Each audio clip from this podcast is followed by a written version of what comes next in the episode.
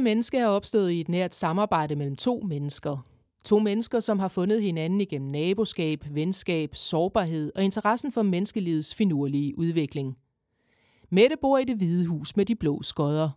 Det, der har tilknyttet den perfekte træterrasse til indtagelse af kaffe og champagne, sammen med en lindstrøm af samtale om livets krøller.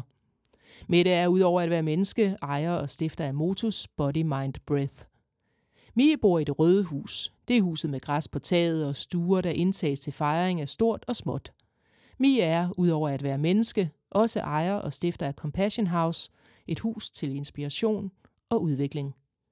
Du inviteres ind i et univers, hvor der er plads til at snuble og prøve sig frem. Hvor det sårbare hyldes, og erfaringer med menneskelivets mere skrøbelige sider er en fordel frem for en ulempe. Hvor nærvær, nysgerrighed, ærlighed og mod danner rammen for samtalen. Denne podcast er til dig, der gerne vil inspireres til at turde være med alle livets facetter. Den er til dig, der sommetider føler dig alene i det svære. Den er til dig, der vil grine, græde og være nysgerrig sammen med os. Den er til dig, kære menneske. Velkommen.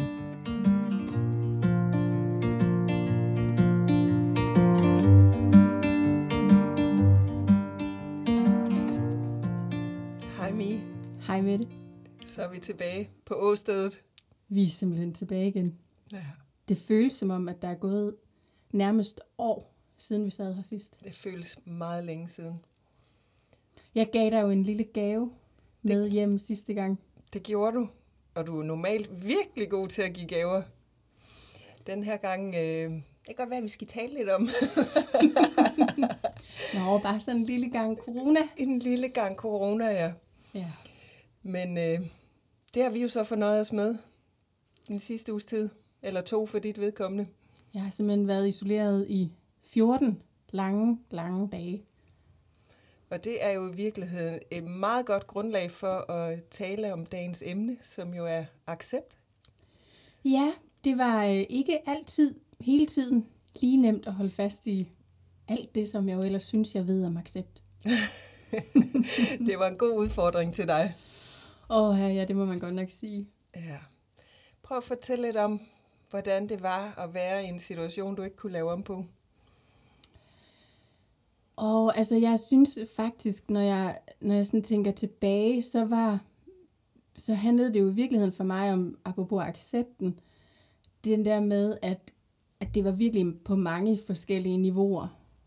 Altså fordi, man kan sige, en ting var det med at skulle overgive sig til simpelthen bare være syg, fordi jeg havde, jeg havde virkelig mange symptomer og var rigtig dårlig. Så jeg kunne ikke noget. Altså jeg havde meget, meget høj feber, og jeg lå og lå. Øhm, så der var jo et, et stykke accept der, men på en eller anden måde kan man sige, at det synes jeg på en eller anden var sådan okay, fordi på det plan, når kroppen bare er færdig, så, så er man jo bare færdig. Så er der ikke så meget at komme efter. Men, men det, jeg synes, der var virkelig, virkelig svært, og der, hvor jeg virkelig mødte noget modstand på accepten, det var, det var den her frygt for at have smittet andre. Så jeg var mega, mega sådan, og først, hvad med min familie, fordi dem havde jeg jo været mega tæt på, og så vidste jeg jo, at jeg havde været rigtig tæt på dig i flere timer herover. Jeg fik feber samme eftermiddag, som vi kom hjem herover fra og havde siddet og optaget to afsnit. Øhm, så der, der, der, der, der kæmpede jeg virkelig med accepten. Altså det at kunne rumme, jeg kan faktisk ikke gøre hverken fra eller til på nuværende tidspunkt. Jeg kan isolere mig, jeg kan passe på min familie og dem omkring mig nu, men jeg kunne jo ikke gøre noget ved det. Lige præcis. Og det er jo øh, ikke en rar fornemmelse at være i. Selvom jeg jo stort set ikke havde nogen symptomer, så kan jeg faktisk følge dig i den tankegang.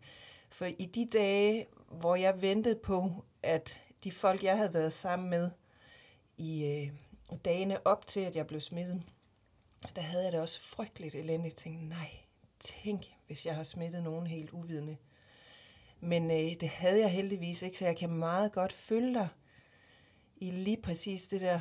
Og tænk sig, at det frygteligste, det synes vi, det er, hvis vi har gjort noget mod andre. ja. Og så for dit vedkommende lå du jo virkelig og kunne absolut ingenting. Mm-hmm. Nej, der var i hvert fald, øh, der var en dag, du ringede til mig, hvor at, at vi, måtte, vi måtte konstatere, at det blev nok ikke en samtale, fordi jeg havde ingen stemme. Nej, vi måtte fortsætte med at skrive. Og det var jo sådan set meget hyggeligt ved at være syg samtidig. Ja. der var enormt meget dialog der.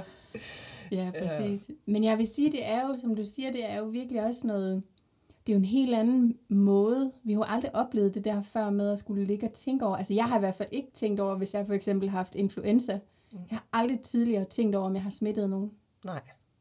Så det er jo også et nyt niveau, der ligesom er kommet til med corona, at, at vi bliver ringet op af smitteopsporingen, og bliver spurgt ind til, hvem har du været tæt på, og så man, man bliver virkelig, virkelig også kørt hele den der mølle igennem, hvilket jo er så fint, fordi det, er jo, det fungerer jo, det må man jo konstatere. Og jeg fik kun smittet dig, så du var den eneste, der fik en gave med. Mm. Men, øhm, men altså, det er jo noget nyt, at vi på den måde skal forholde os til, har jeg videregivet det her til andre? Præcis. Og der må man sige, jeg, jeg er nemlig også dybt benådet over, hvordan det bliver taklet fra smitteopsporingens side. Vi er simpelthen blevet ringet op hver dag for at blive spurgt, hvordan vi har det, og hvordan det er at være i isolation. Og det har simpelthen været så um, omsorgsfuldt, sådan har jeg oplevet det. Ja, ja. Og jeg er klar over, at de har gjort det, fordi de skal bruge det til statistik. Men hold da op, hvor virker det trygt, når man er der isoleret væk fra alle mulige andre. Det synes jeg, men en af dagene, der var, det var inden jeg øh, var helt sikker på, om jeg havde jeg smittet nogen andre eller ej, hvor hende havde øh, sygeplejersken, tror jeg hun var, der ringede til mig. Hun siger, det der med skyld og skam, det kan du godt pakke væk. Det kan vi ikke bruge til noget i den her situation. Og det var så befriende. Ja. Tænk sig, at der sidder et professionelt menneske der og fortæller mig, at nu bliver jeg nødt til at droppe tankerne om, hvad jeg har gjort ved andre.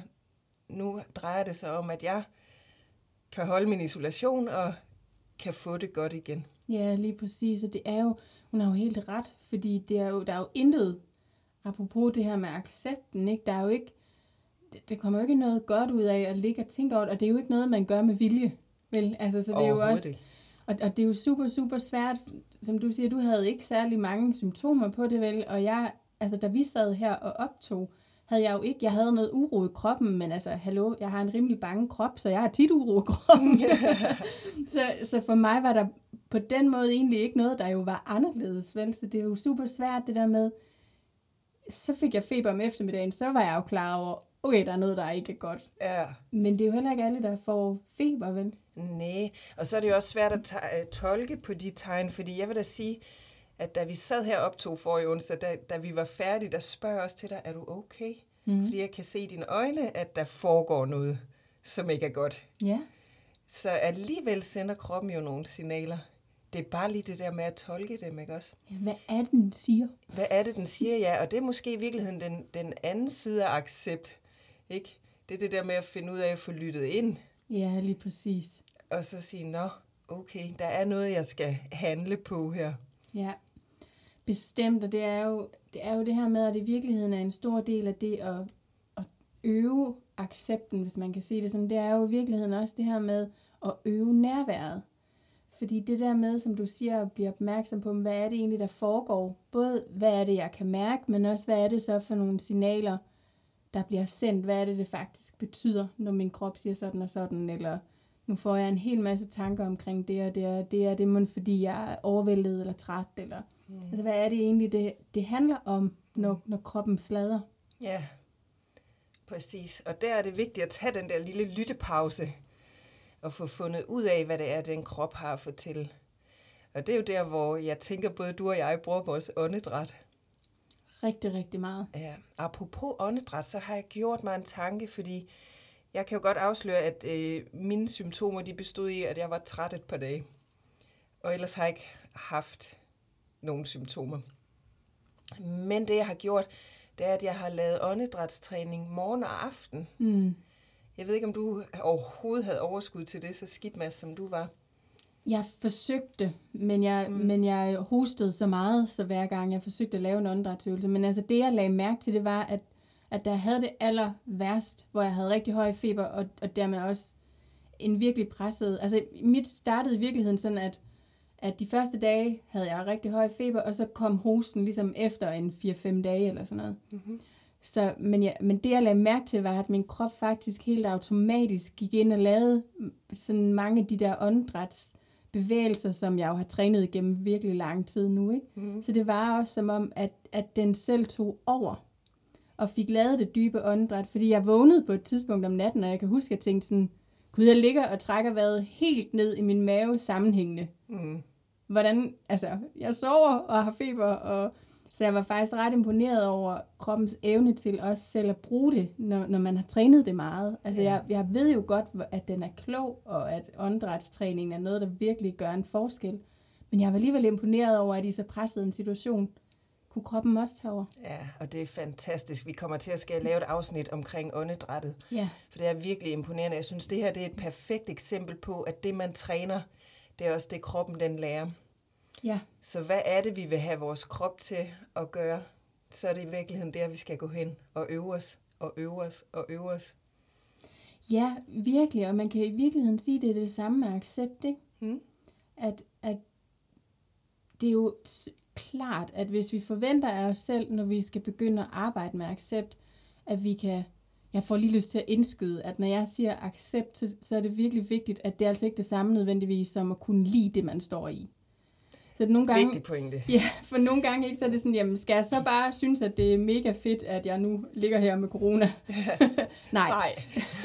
det er ikke det, at, at, øh, at der ligesom er tanken med det, men i virkeligheden kan man sige, at accept, for mig i hvert fald, handler rigtig meget om det her med at være med den virkelighed, der er.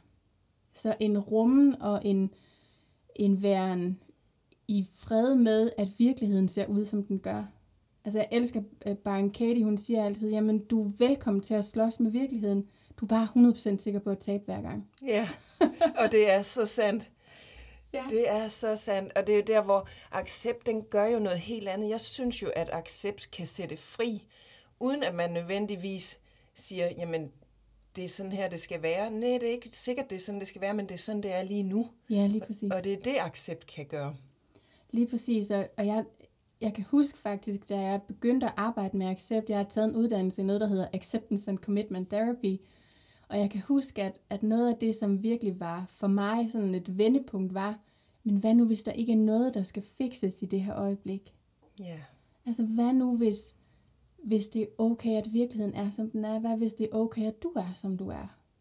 Uden at der er et eller andet, der skal være anderledes, for at du kan begynde at leve livet. Mm-hmm.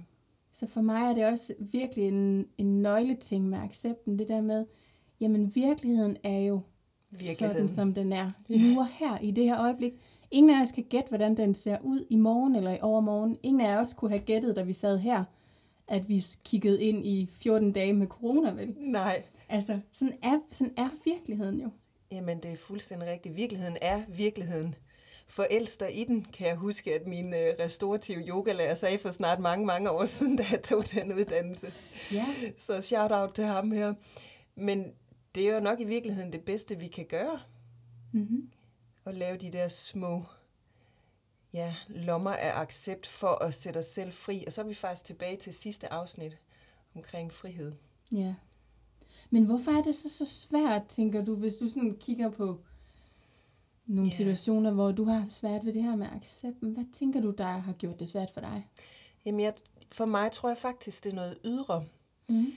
Øhm, hvis vi igen skal tage vores kære corona-eksempel, øhm, og mig, der jo et strøg let igennem det, og opholdt mig primært ude i vores have, og hvor, hvor jeg kunne være sammen med familien, og indtog de fleste måltider som bålmad, der, øh, der havde jeg en snat af nogle gange, ej, tænk så, at jeg bare kan gå her og nyde solen og gå og nuller i haven og holde bål med familien, og så ligger du lige derovre ved siden af og har det så skidt. Altså, jeg fik næsten helt dårlig samvittighed over det, og så tænker jeg, men det kan jeg jo ikke ændre på. Nej, præcis. Så lynhurtigt måtte jeg jo ryge over i accept. Ja. Men jeg tror, der hvor, den, hvor accept er svært, det er, når vi begynder at se os selv udefra, eller prøver at se os selv med andre folks briller. Ja. Altså når det er ydre styret. Men lige så snart jeg tog den hjem, og så tænkte jeg, jamen det er jo sådan her, jeg har det. Og for mig er det åbenbart sådan her at komme igennem mm-hmm. en periode med corona. Ja. Og så må jeg jo få det bedste ud af det. Og du skal vide, at noget af det, der varmede mit hjerte, der lå over i vores kære kælder, som jeg virkelig ikke har brug for at ligge i igen lige forløbig, det var faktisk, at netop tanken om, at du kunne være derovre, fordi de andre, altså min familie sagde, at de havde set dig ude i haven med de andre, og jeg var bare sådan, ej, hvor er det dejligt. Så jeg var bare mega, mega lettet, og synes det var så fantastisk, at, at du ikke lå over på den anden side og havde det ligesom mig. ja, åh, det er dejligt at høre faktisk. Så det var jo noget af det, der virkelig trøstede mig faktisk i den situation. Det var, okay, jeg fik givet med det en gave med, men, men heldigvis er det på en måde, hvor det er okay. Ja. Ikke? Jamen, det er det. Og så vil jeg sige, så brugte jeg jo tiden ja, rigtig meget i haven. Øh, det var faktisk kun, når vi skulle sove, at vi gik hver til sit. Vi, vi har også en kælder, vi kan lukke af over ved os. Øh, men jeg har da også brugt det til at reflektere. Og det er jo også noget af det, det kan, når man står i en uventet situation, hvor der ikke er andet at gøre, end at acceptere virkeligheden. Ja. Sådan som den er. Og det havde jeg behov for, faktisk kan jeg se. Hvis man sådan skal kigge på de gaver, der alligevel er i en situation, der er træls, men som ingen af os jo kunne ændre på. Nej. Øhm, og det synes jeg faktisk tit, jeg oplever, når jeg har været i situationer, hvor man tænker, ah, det kunne jeg godt have været for uden. Hvor jeg alligevel nogle gange når til, hmm, kunne jeg i virkeligheden have været for uden? Nej, for så havde jeg faktisk ikke fået den her gave med, og reflekteret over nogle ting. Og det kan jo være alverdens ting, man har behov for at tænke over. Ja, lige præcis, og det er jo sådan en... Så jeg, i virkeligheden er det jo lidt, jeg tror, jeg kommer lidt tilbage i mine tanker i hvert fald til det her med, at accept virkelig fungerer i mange forskellige lag, ikke? Fordi at, at der er jo de her situationer, som for eksempel vores corona, ikke? Hvor man kan sige, at det ved man ligesom er en periode, og, og inden vi startede episoden i dag, talte vi også om, at der er jo ingen af os, der på nuværende tidspunkt ved, hvordan kommer det til at se ud senfølgemæssigt, og hvordan har vi det om 14 dage osv., og det er jo der, hvor, hvor accepten igen kommer på banen. Mm. Og så er der jo de der virkelig, virkelig svære livskriser, hvor at, at der får accept jo på en eller anden måde, i hvert fald for mig, sådan en svær størrelse. Altså jeg kan huske, jeg har nogle gange været til nogle forskellige spirituelle events, og hvor der er rigtig mange, der siger det her med, at alt er godt. Og, og den kan jeg virkelig have svært ved nogle gange, fordi hvis man for eksempel står i en situation, hvor et familiemedlem er, ligger for døden, eller, eller man møder nogle af de ting i livet, som, som virkelig, virkelig kan være svært at finde mening i, ikke? Mm. så kan det jo også nogle gange være virkelig, virkelig meget at skulle rumme sætninger som alt er godt, eller der er en mening med alt. Så jeg tror for mig har en del af mit acceptarbejde også været, at det er ikke sikkert, at jeg kan finde en mening med nogle af de rigtig, rigtig tunge og svære ting, der sker i livet. I den her, altså i det her liv, men det er her nu, mm. og det er okay. Så der er også et acceptarbejde i det for mig, det der med, jeg behøver ikke altid at kunne se det positive, jeg behøver ikke altid at kunne tage noget godt ud af en situation, men der hvor jeg kan, der hvor jeg kan reflektere mm. og sige, hov, men nu her, hvor jeg har været det her igennem, for eksempel, hvad kan jeg bruge det til? Altså jeg har i hvert fald mærket en kontakt til en langsomlighed, som jeg har savnet i noget tid. Ja. Som, som det kan jeg mærke, åh, det skal jeg have med mig videre. Og, og på en eller anden måde er jeg faktisk lidt taknemmelig for den dybe, dybe træthed, der sidder i min krop, fordi den hjælper mig faktisk lige nu til at være langsommelig. Mm. Til at gå langsommere, til at altså, være lidt langsommere i livet. Ja. Og det er jo rart, ja, faktisk. Ja, præcis. Så alligevel var der noget, du kunne finde der. Ja. Og det er måske det, for jeg, kan, jeg, jeg hører dig sige, at du bliver lidt provokeret af folk, der siger, at alt er godt. Men alligevel, hvis man leder længe nok, så kan der måske nogle gange findes mening med galskaben. I hvert fald i livets, hvad kan man sige, i hvert fald i de situationer, hvor, som den her, Ja. altså, hvor Ja. man kan sige, at det er en svær periode, men der, det, det bliver godt igen, Ja. kan man sige. Ja, præcis. Altså, det er heldigvis ingen af os, der skal have corona for evigt. Nej, det håber vi da virkelig ikke. Selvom ingen ved noget som helst om eftervirkninger og hvor lang tid det tager. Åh. Der, er- vi, vi ender jo nok med at blive eksperter i virkeligheden nu, når vi har været den igennem. Lige præcis. Oha. Ja. Men jeg får også lyst til at sige, fordi jeg ved ikke, om du kender det, men for mig i hvert fald, at, at det der sådan nogle, tit er modpolen til det her med accepten, er jo også kontrollen, ikke? Mm. Kender du den? Ja, den kender jeg godt. Og den øh, lå faktisk lige i mit baghoved, hvor jeg tænkte, det, altså, der, der er jo altid en for- og en bagside af medaljen. Og man kan sige, at bagsiden af accept, det er jo nok kontrol. Ja. Det, det er to kræfter, der kæmper i hver sin retning. Ja, det er det virkelig. Ja. Hvad siger psykologien omkring det modsætningsforhold? Jamen altså, i, i Acceptance and Commitment Therapy, som jeg jo er uddannet i, der, der arbejder vi faktisk rigtig meget med kontrol. Altså på den måde at, at lære at slippe. Mm. Fordi at, at det i virkeligheden virkelig, virkelig menneskeligt, at vi, fordi vores hjerner er skabt til at problemløse. Det er jo noget af det, vores nyere del af hjernen er virkelig, virkelig god til. Altså på at tænke, hvad vi har kunnet løse. Af altså der er en coronavaccine nu. Ja. Det havde vi ikke haft, hvis ikke at vi havde en hjerne, der virkelig kunne problemløse. Vel? Mm. Så, den, så vores hjerner er jo mega fantastisk. Hvis der gik ild i huset, vi sidder og optager i, så ville vi lynhurtigt kunne finde en plan ud. Ja. Så det er jo genialt, vores hjerner kan det. Men der, hvor det ikke er genialt, det er jo i virkeligheden, når vi står over for de situationer, vi ikke kan ændre. Når vi står over for virkeligheden, der nogle gange er barsk. Mm. Hvis vi står i noget, der er virkelig, virkelig svært. For det kan vi ikke kontrollere. Det kan vi ikke problemløse. Nej. Vi kan ikke problemløse sygdom, kriser. Der er det en anden tilgang, vi er nødt til på en eller anden måde at bringe ind i det. Mm. Men det, der er humlen ved det, det er, at vores hjerner vil rigtig gerne problemløse stadigvæk. Ja. Så den vil rigtig gerne køre ind i det der mode. Det her, det er svært, det er ubehageligt. Jeg kan ikke rumme det. Hvordan får jeg det fikset? Mm. Så går vi i sådan en fiksemode, og i virkeligheden kommer vi nogle gange til at løbe rundt i sådan, et, i sådan en ond cirkel af, og, og i virkeligheden kan man sige, at der er sådan et, et billede i øh, en, en metafor i ACT, øhm, hvor, man, hvor, der er sådan, hvor man står med en skovl og bare graver et hul, der bliver dybere og dybere og dybere, fordi man bare tænker, jamen det er det her, der er løsningen. Jeg må grave mig ud, Ja. og man lander bare længere og længere og længere nede i det her hul, ikke? Ja, det er et fint billede på det egentlig. For det er jo så der, hvor vores øh, hjerner så fungerer modsat. Man tænker, jeg bliver ved, jeg knokler på. Ja, Det, jeg er sikker på, at det er den her retning, og, og det, det er jo igen det modsatte af accept. For et eller andet sted ved man måske, måske godt ind i baghovedet, det er nok ikke det helt rigtige at blive ved med at grave det hul her. præcis. Det kunne være, der stod nogen op for oven af hullet, der lige kunne kaste en sti ned. Ja, ja, præcis. Og en lille redningskrans.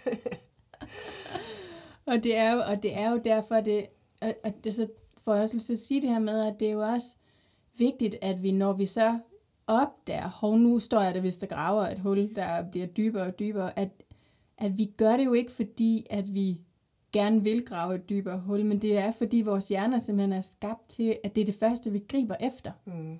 Så vi gør det jo i den bedste mening, og fordi vi så gerne vil få det bedre, og have det bedre, og komme ud af det, vi står i, der er svært. Ikke? Ja. Men, men det er det der med i virkeligheden, og tilbage til nærværet, få trænet det at være med det, der er, også når det er ubehag, Ja. også når det er svært. Ja. Hvordan kan jeg være med det her, og så stadigvæk få kigget rundt i mit liv og set, er der noget, jeg kan gøre, som faktisk er betydningsfuldt for mig. Mm. Så da vi lå i hver sin kælder og var isoleret, så var det for mig for eksempel en, noget betydningsfuldt, at vi kunne skrive sammen. Ja. Det var betydningsfuldt, at jeg kunne facetime med min familie.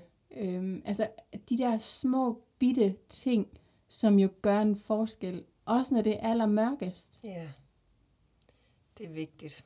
Det er en vigtig ting at kunne. Jeg får lyst til at knytte en kommentar omkring accept og det her med, øh, hvordan vi bruger vores hjerner. Det jeg oplever enormt meget i, i behandlinger og også har prøvet på egen krop, det er det her med at flygte lidt væk fra virkeligheden. Åh oh, ja. Ja, det ser vi jo af og til. Øhm, og og øhm, jeg får lyst til at, at, at lige runde det her med, at, at nogle gange så fylder vi jo alt muligt ind i vores liv for netop ikke at mærke, hvordan vi har. Altså det modsatte af at acceptere en situation. Og så fylder vi på, kører der ud af moser henover, og det har jeg bestemt været mester til, kan jeg godt afsløre, inden jeg gik ned med stress. Det er sjovt, at vi ender der hver gang. Øh, men det er virkelig en god øvelse til at få stoppet op. Øh, og jeg synes, jeg ser det ofte, og jeg ser det rigtig meget i åndedrætsbehandlingerne også, at når folk lige pludselig støder på noget svært, så kan vi jo sidde og aflæse det i folks krop, og jeg tror ikke nødvendigvis altid, at folk er bevidste om, at hov, der var noget der. Men man kan se, at lige pludselig bliver åndedrættet anspændt. Der er et eller andet, der blokerer et eller andet sted i kroppen. Og så kan man se, at personen kæmper imod det. Ja. Og forsøger at lave alt muligt andet, distrahere sig selv, begynder at rykke på sig, begynder at gøre en, en masse forskellige ting, for at komme ud af den her ubehagelige situation. Og det er jo her, hvor jeg tænker, at vores fornemmeste opgave som åndedrætsterapeuter, det er at guide folk igennem den følelse. Fordi vi begge to ved, at der ligger en forløsning på den anden side, mm. hvis blot vi kan acceptere, at vi skal igennem det her svære. Og så er vi tilbage ved accepten igen. Ja, og i virkeligheden kan man sige, at for mig er det også, når jeg, når jeg tænker åndedrætsstationer, og jeg tænker tilbage på min egen rejse med åndedrættet, altså for mig var det en helt tydelig blokering. Jeg kunne simpelthen ikke trække vejret dybere end et solar plexus. Jeg kunne ikke få mit åndedræt længere ned. Og det var, det var enormt fysisk faktisk at mærke, hvor, hvor blokeret jeg var, og jeg havde heller ikke ret meget bevægelse i mit åndedræt.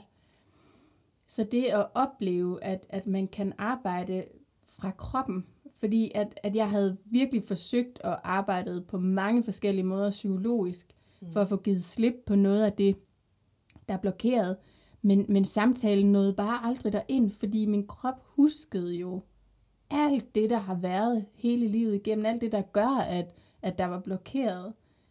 Det, det husker kroppen. Præcis. Så på en eller anden måde er det jo også, altså, jeg, jeg oplever det virkelig som, som en fin og nænsom måde at få løsnet for noget af det der, som, som ligger og, og ulmer, som vi jo alle sammen har noget med os, ikke? Præcis. Og jeg synes måske, øh, en af de fornemmeste ting, vi kan i forhold til accept, det er at bruge vores åndedræt til lige præcis det. Ja. Jeg var i går ude at besøge min mors grav. Hun havde fødselsdag i går. Mm. Øhm, og det er ikke en rar situation, og så alligevel er den, fordi jeg er jo fyldt med kærlighed til hende. Ja. Men det er så svært at mangle hende. Ja. Virkelig. Og jeg synes, det er så uretfærdigt. Og hun tog afsted fra den her verden ganske kort inden jeg satte vores første barn i verden. Ja. Øhm, så så den, den rykker altid ved enormt mange følelser den her dag. Øh, og andre højtider, hvor hun jo selvfølgelig mangles. Klart. Men jeg oplevede også mig selv stå ude på gravstedet i går og tage en dyb indånding, apropos at kroppen ved, hvad den har behov for, når man har trænet det meget, ikke også? Mm.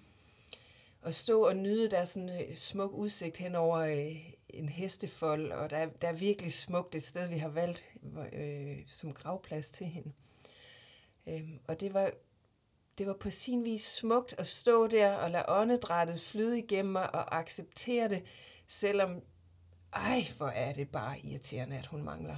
Ja, lige præcis. Ja, Og jeg tænker også, at det er jo det fineste eksempel på accept, ikke?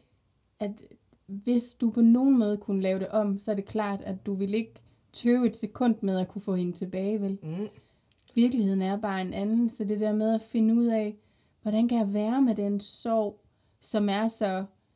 Og sorg er jo særligt i perioder totalt altomsluttende, ikke? Altså de der højtider, hvor at alt er tydeligt, der mangler et menneske. ja, Og det er, jeg lå faktisk går aftes og læste om sorg, en, en bog Svend Brinkmann har skrevet omkring det sørgende ja, dyr, ja, os mennesker, ikke? At hvad er, det, hvad er det egentlig, det betyder for os, når vi mister, og den tilknytning, vi har til dem, der er døde, hvad er det faktisk, det gør ved os, mm, når de bliver brudt?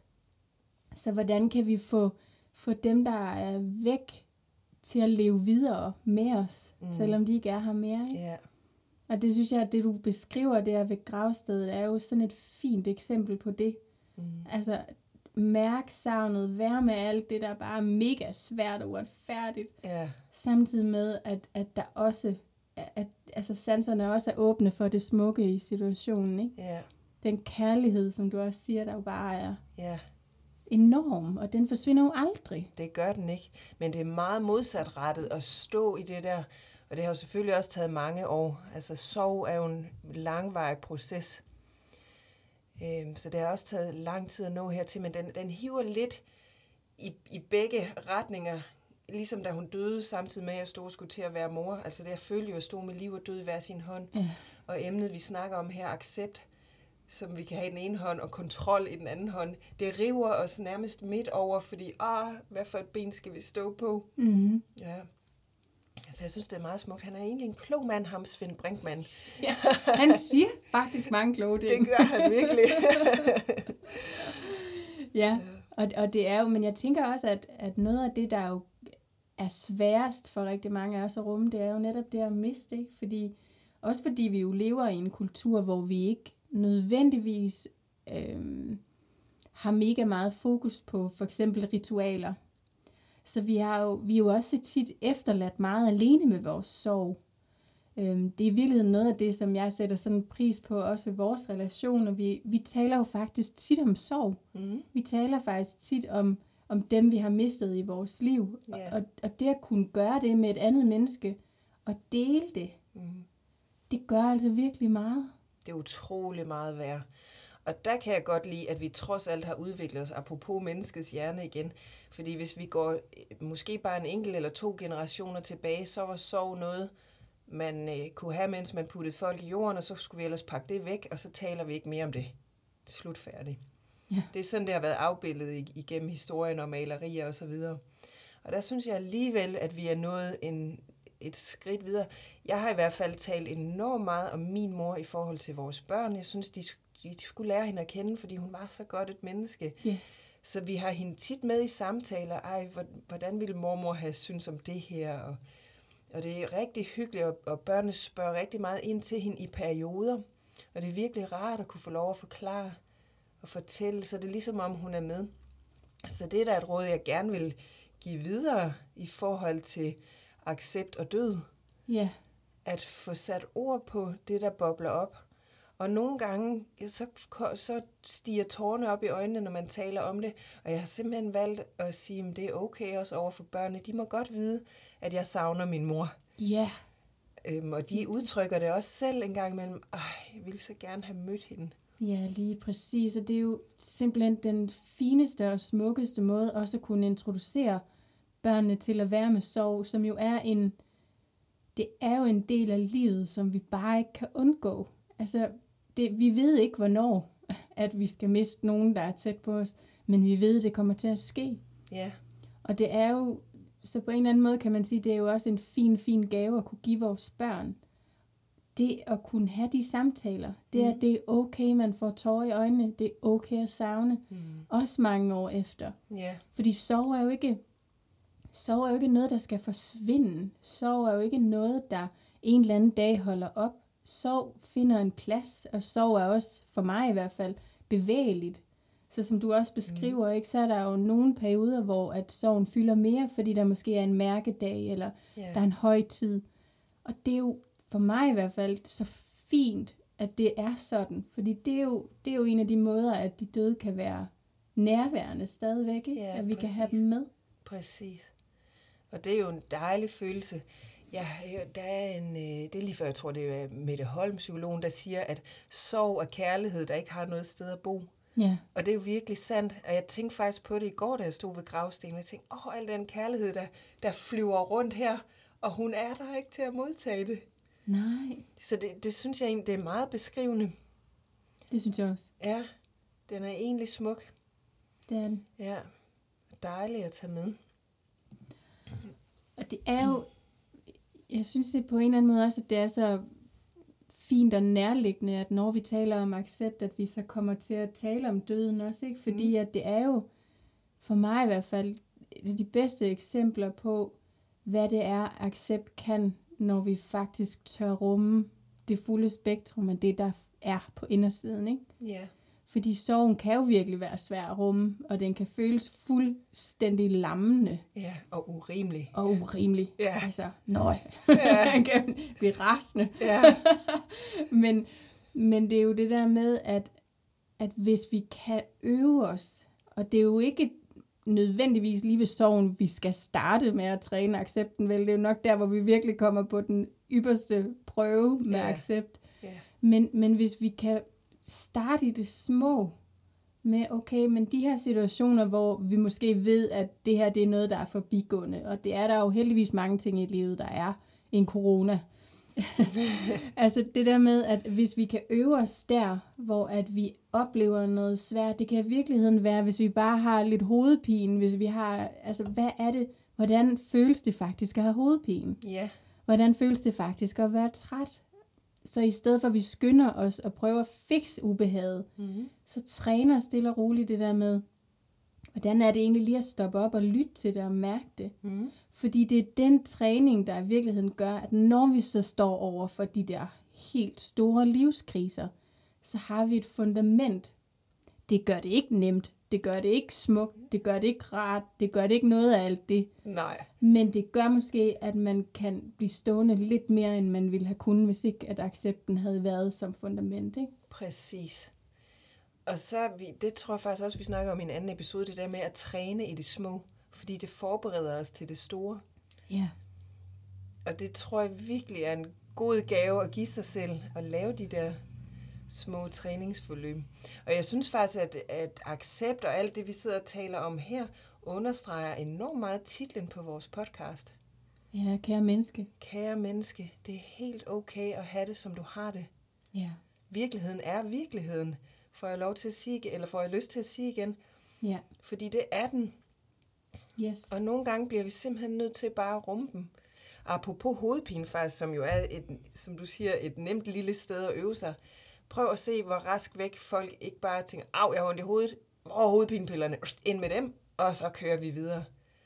Hvad vil der ske, hvis vi lige prøver at mærke, hvor sidder den hovedpine egentlig hen? Hvad kommer den fra? Er der et eller andet, jeg har glemt at lytte til?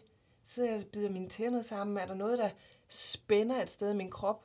Hvor kommer den spænding fra? Mm. Hvad har jeg oplevet? Hvad har jeg gennemlevet de sidste par dage, der kunne have bragt mig herhen, hvor jeg er lige nu? Præcis, og jeg tænker rigtig meget, at det også handler om, at, at det er på en eller anden måde meget, for mange af os tror jeg, det er meget kontraintuitivt, fordi vi, vi jo lever i et samfund, der har enormt meget fokus på effektivitet og præstation, og vi skal hurtigt videre. Øhm, så, så vi er jo på en eller anden måde vant til at kigge på, når man er der noget galt, så tager jeg en pille, eller jeg skynder mig at få det behandlet væk. Ikke? Mm. Så, så det, det kræver lige noget at omstille sig til den der. Og så har jeg lyst til at sige, det er altså heller ikke altid, det lykkes for mig, det der med accepten overhovedet.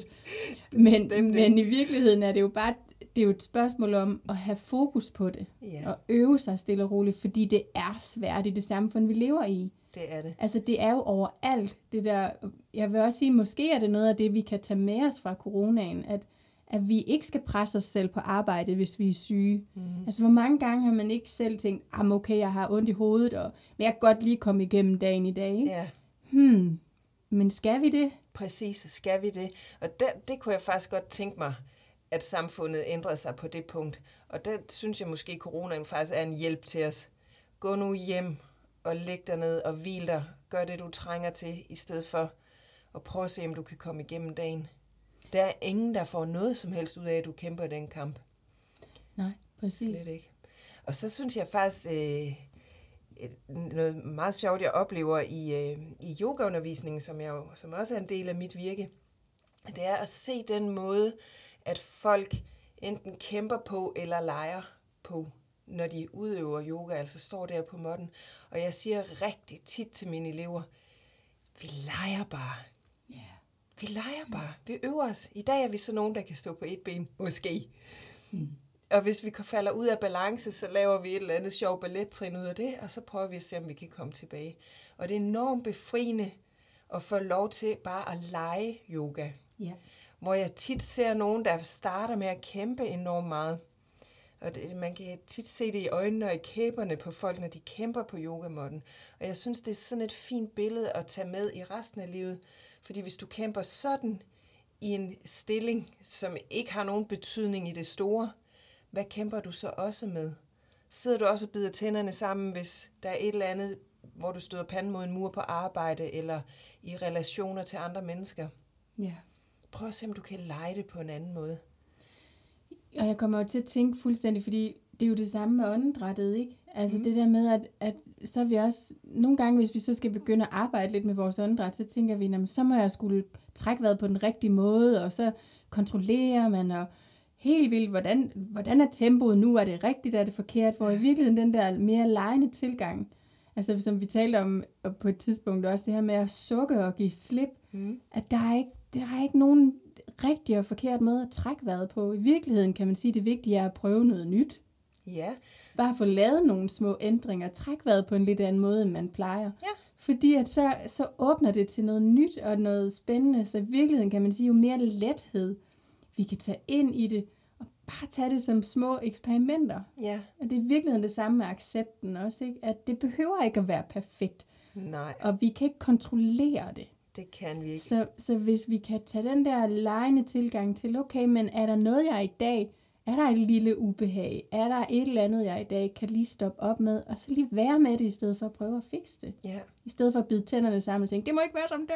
Ja, Ikke? præcis. Jamen, det er derfor, jeg synes, det er sådan et godt billede, det der med, at vi leger det. Vi leger det. Ja, i dag leger jeg, at jeg er sådan en, der...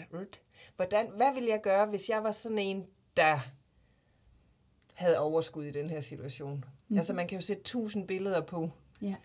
I, i alle situationer i livet. I dag leger jeg, jeg er sådan en, der kan gå med rød læbestift, for eksempel.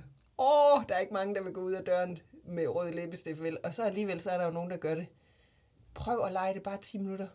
Og det, der jo er så fantastisk, det er jo faktisk, at vi kan jo også snyde vores hjerner på den måde. Præcis. Fordi at vores, hvis vi ændrer på vores kropsholdning, hvis vi ændrer lidt på, hvordan er vores stemmeføring, mm. hvordan er det egentlig, vi bruger vores sanser, mm så kan vi faktisk ændre på hjernen. Og det er jo, altså man behøver bare at tænke på, hvis man for eksempel tænker på noget mad, som er virkelig, virkelig dejligt, som man rigtig godt kan lide, ikke? så begynder alt, det er lige før man kan dufte det, og Ja, se det for savle. sig, og savle det.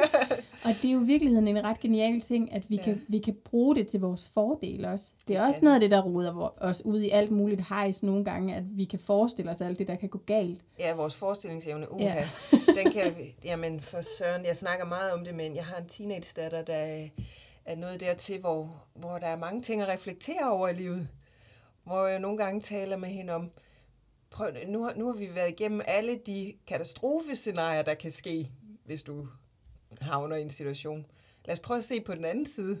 Hvad er alt det sjove, der kunne komme ud af det? Hvad nu, hvis det gik godt? Og virkelig, ja, præcis, og, og det, der, det jeg har oplevet, der, der har været super hjælpsom for mig i den øvelse der, det har været, at i virkeligheden virkelig at få kroppen med, så det bliver sådan en, et helt fysisk, hvordan føles der indeni, fordi for mig, jeg strandede altid, det, blev sådan noget hjerneagtigt, sådan, så blev min hjerne sådan en, nærmest en hån, ja, og så bliver det rigtig hyggeligt, og så var jeg bare, så jeg elskede, da jeg, da jeg mødte compassion-fokuseret terapi af Paul Gilbert, som har udviklet det til netop sådan nogle hjerner som min, der bare bliver sådan en hånende, kritisk, endnu værre type. Der var det virkelig en hjælp for mig at begynde at få det sanselige på. Så det, ikke var noget, et, et, det var simpelthen ikke noget, jeg skulle tænke mig frem til, skulle være anderledes. Men hvordan ville det være i min krop, hvis jeg nu lige er lidt mere oprejst, så jeg støtter min krop, hvis jeg trækker vejret langsomt, Ja, hvis jeg taler med en mildere stemme ja. alt det der, det, det hjalp for mig i hvert fald, at det ikke blev sådan et brainy, Ja. Fordi har kæft den der hjerne. Ja, ja, men det er det, og jeg synes faktisk alt vores arbejde understreger jo netop, at vi skal forbi den der hjerne. Oh, ja. Vi skal direkte ind til vores nervesystem. Ja, det er det. Og det er jo i virkeligheden det, vores behandlinger går ud på. Ja. Det er at få folk til at styre udenom og komme ind og netop sanse kroppen indenfra. Der er et andet lille eksempel, jeg bruger øh, tit i min undervisning, også på yogamåtten. Det er, at når vi sidder og, og laver en given øvelse, så kan jeg godt finde på at sige, prøv lige at slippe alle spændingerne. Og hvis du skal noget, så kan du sætte et smil om læben. Mm. Og alene det at sætte et smil om læben, selvom man måske ikke er super happy lige i momentet, det sender besked op til hjernen om, at jamen, alt er faktisk okay lige nu. Der er smil på. Det betyder, at det går godt. Der er ikke fare på færre. Ryt, Så ryger skuldrene ned, og åndedrættet bliver automatisk langsommere. Og så er vi inde i en god cirkel får iltet på en helt anden måde. Sådan en lille ting, som at sætte et smil om læben. Og prøv at tænke en gave, det er for din datter, at, at kunne lære de ting allerede nu, ikke? Ja. oh, det kunne være, at hun blev sparet for mange. Åh, det håber jeg. Lang sigt. Det Så håber jeg. dejligt, altså. Ja, men ja. jeg vil også sige, altså en teenagemor er jo øh, sekundet efter, at noget har været behageligt, øh, den dummeste i hele verden, for at det så sekundet efter ændrer sig igen. Det er virkeligheden med det. Det er virkeligheden. Det er virkeligheden. Accepter den. det tror jeg i virkeligheden også er meget sundt. Vi kommer jo igennem mange situationer igennem livet. Og teenageårene, det er bestemt noget, hvor jeg tror, forældrene skal øve accept. Ja, og virkeligheden og kontrol, ikke? Det der med Og- at, at slippe den huha. Men jeg, men jeg vil også indrømme, at, at hvis jeg sådan tænker tilbage på mine teenageår, der var ikke noget, der kunne få mig til at bytte tilbage til det. Det kunne Ej. jeg simpelthen ikke tænke mig at prøve igen. Nej. Så, så jeg tænker også det der med, åh, der er bare mange ting, de skal igennem, de der Ja. kære unge teenager. Ja, men det er der. Man har sådan lyst til bare at sidde og kramme dem, og så sige, det skal nok gå godt. du kommer ud som et helt menneske Kommer på den anden ud som side. et helt menneske. Du er Ja. lige præcis, som du skal være. Ja, præcis. Hvad skal vi tage med os fra i dag, synes du? Jeg synes, tiden er flået mega hurtigt i dag. Ja. Øhm, jeg tager med mig, at nej, hvor har det været dejligt at sidde her sammen med dig igen. og tale. Og så vil jeg sige, at, at jeg kan også mærke, at det har været en reminder på det der med at lige få det tilbage i det små.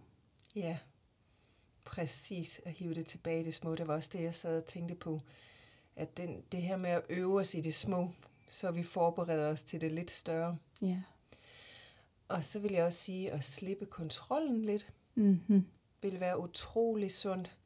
Prøv at slippe kontrollen bare et minut, eller et par minutter. Eller den næste time. Lige så stille og bygge det op. Ja, lige præcis. Ja. Og så vil jeg også sige tusind tak, fordi vi er tilbage her. Det er virkelig skønt. Så dejligt. Jeg glæder Ja. mig også allerede til næste uge, hvor vi skal tale om nærvær. Ja, den bliver god. Det bliver rigtig godt. Ja. Fordi at, at som i virkeligheden kan man sige, at alle de afsnit, vi har lavet indtil nu, der kunne vi have sat nærvær ind som en overskrift til det.